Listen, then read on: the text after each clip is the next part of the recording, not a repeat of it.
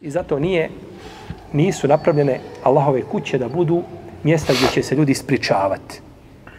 Ispričat ćemo se tu te feriđene kakve praviti po džami. Znači džamija ima svoju ulogu.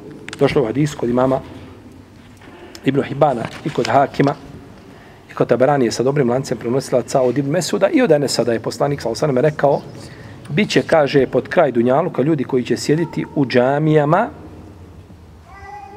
u halkama, kaže, a njihov imam je Dunjalu, onaj koji predvodi priča, oko koje se sve kruži, oko čega se koplja lomešta, Dunjaluk. Kaže, nemojte sjediti sa njima, kaže, Allah nema nikakve potrebe za njima.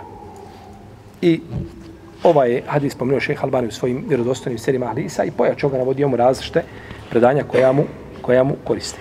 A sabi su ponekad pričali u džami o Dunjaluku. U hadisu Džabir ibn Semure, kod muslima u Sahihu se kaže klanjao sam iza poslanika Saba. U jednoj se, u jednom se predanju kaže kod imama Ahmeda u Muslimu, kaže je više od stotinu puta iza njega. Kaže pa su ashabi ponekad sjedili posle Sabaha i pričali bi, kaže, o Dunjaluku. Ne o Dunjaluku. Pričali bi, kaže, ono što je bilo u Džahilijetu, kaže, i spomnjali nešto od pjesništva, kaže, pa bi se smijali, a poslanik bi se sa osamom smijehivao ponekad nešto da se kaže od muba riječi u džami nije problem. Je tako? Ovo se razlika od onoga što smo govorili o dizanju glasa prošlog puta, ali u redu. Znate kako je Omer poslao uh, Saiba ibn Zejda da dovede onu dvojicu? Da ih prva spita. Bili su dakle? Dakle su bili? Stajfa.